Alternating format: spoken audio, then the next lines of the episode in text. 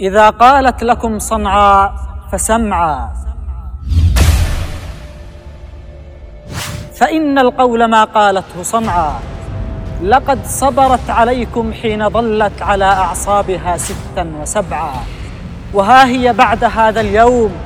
قامت تجمع أهلها الأبطال جمعا. تحذركم وتقرئكم بيانا. فكونوا منصتين لها وأوعى. لقد مرت ثمان سنين حربا فزادت قوة كبرى ورفعا. ستبدأ بعد هذا العام ردا على أعدائها صدا وردعا. وتمطر بالمسير من رباها عليك فهدئي يا نجد روعا. لقد أخطأت اذ حاربت ارضا. تتوق إلى الحروب هوى وتسعى. ستأخذ ثأرها منكم جميعا وترغمكم بها كرها وطوعا.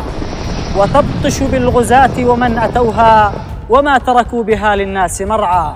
لقد حاصرتموها من سنين وحشدتم عليها كل أفعى. وباتت والقنابل من سماها عليها والقذائف وهي جوعى. لقد جئتم لها بطرا وحقدا وخنتم عهدها عرفا وشرعا.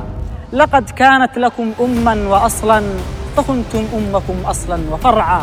وكنتم في خضوع وانكسار لأمريكا وإسرائيل ضرعا.